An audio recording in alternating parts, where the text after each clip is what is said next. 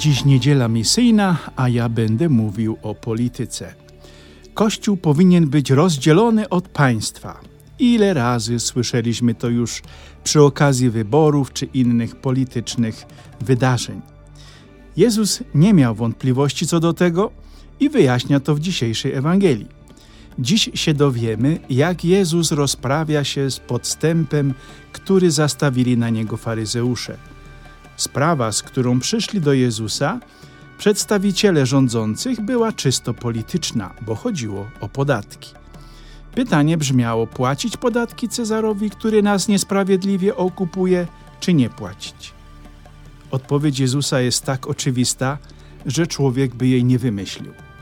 Oddajcie Cezarowi, co należy do niego, bo przecież podatki płaciło się pieniędzmi wybijanymi przez prawodzującego aktualnie władzę cesarza Imperium Rzymskiego. Ale, dodaje Jezus, Bogu oddajcie to, co do Boga należy, czyli nasze dusze, które są nam dane od Niego. Życie świeckie i życie duchowe nieustannie się krzyżują i przenikają. I właśnie o tym życiowym węźle gordyjskim będzie dzisiejszy podcast, do którego serdecznie Was zapraszam.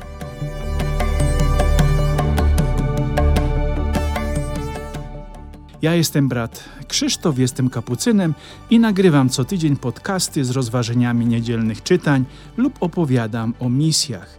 Zapraszam do podcastu Ja mhm lub Zwei Mission, które znajdziecie co tydzień na serwerze podbin.com. Co sobotę od godziny 12 nowy podcast po polsku, bułgarsku i niemiecku. Serdecznie Was zapraszam.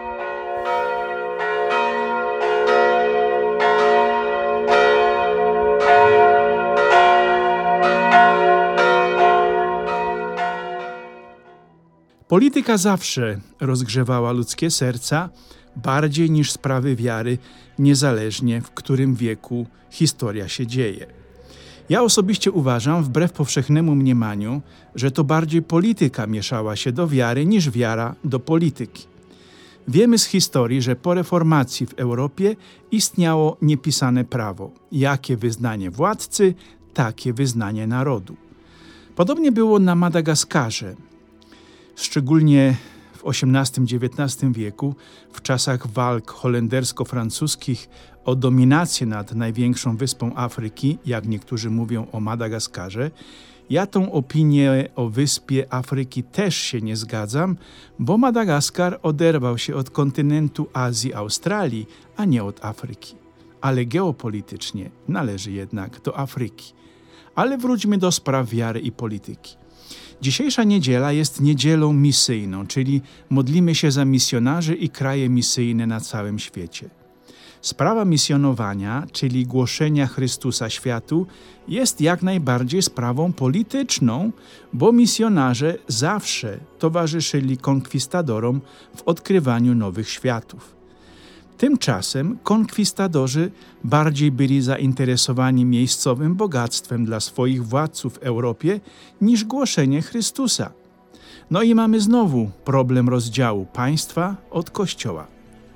Ostatnia królowa Madagaskaru była protestantką, bo w walce przeciw Francuzom prosiła Holendrów o pomoc. Musiała więc przyjąć protestantyzm.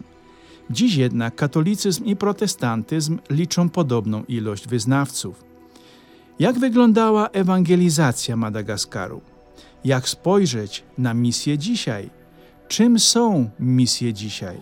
Odpowiem Wam prawdziwą historią z północno-zachodniego wybrzeża Madagaskaru. Około 100 lat temu na małej rybackiej łodzi z żaglem wypłynęła z wyspy Nusibe jedna mal malgaska rodzina. Ojciec, matka, kilkoro małych dzieci, płynąc wzdłuż wybrzeża Madagaskaru na południe po wodach kanału mozambickiego. Po całodniowym żeglowaniu dotarli do małej zatoki wdzierającej się w głąb Madagaskaru, nazywanej Antanibe Andrefa. I tam osiedlili się na skraju pierwszej wioski. Wybudowanie domu na wybrzeżu Madagaskaru trwa jeden, maksimum dwa dni, dlatego już w niedzielę cała rodzina przed południem zebrała się przed swoim domem, gdzie rodzinnie celebrowali niedzielną liturgię słowa. Ponad trzytysięczna społeczność Antaniby Andrefa nigdy nie słyszała o Jezusie i Jego Ewangelii, nigdy też nie gościli u siebie żadnego misjonarza, bo do ich wiosek można dotrzeć tylko przez wody oceanu i później pieszo. Ludzie z wioski z wielkim zainteresowaniem przyglądali się wydarzeniom, stawiali pytania i z tygodnia na tydzień włączali się w tę rodzinną celebrację. Ojciec rodziny wyjaśniał najpierw swoim dzieciom Słowo Boże, które było czytane, ale już po kilku miesiącach jego słuchaczami stali się prawie wszyscy mieszkańcy Antanibe. Sto lat po przyjeździe rodziny z Nusibe, Antenibe Andrefa liczy ponad trzech tysięcy wiernych, których regularnie, co dwa tygodnie, odwiedzają bracia kapucyni z Nusibe. Bo ewangelizacja, drodzy bracia i siostry, dokonuje się przez przykład i świadectwo, a nie mieczem czy kazaniami. Dzisiejszy Kościół katolicki na Madagaskarze i w Indonezji to niezależny, dobrze zorganizowany związek wyznawców Chrystusa. Dziś oni są misjonarzami po całym świecie i w umierającej od dobrobytu Europie. Ci, którzy jeszcze niedawno słuchali białych misjonarzy, dzisiaj sami stali się sługami słowa, ludźmi żywej wiary. Oni też stają się równorzędnymi następcami apostołów, czyli biskupami, którzy odpowiadają za swoje diecezje nieraz większe niż nasze europejskie kraje. Oni dziś potrzebują bardziej naszej więzi bratersko-siostrzanej niż naszych uwag na temat sposobu ewangelicznego życia.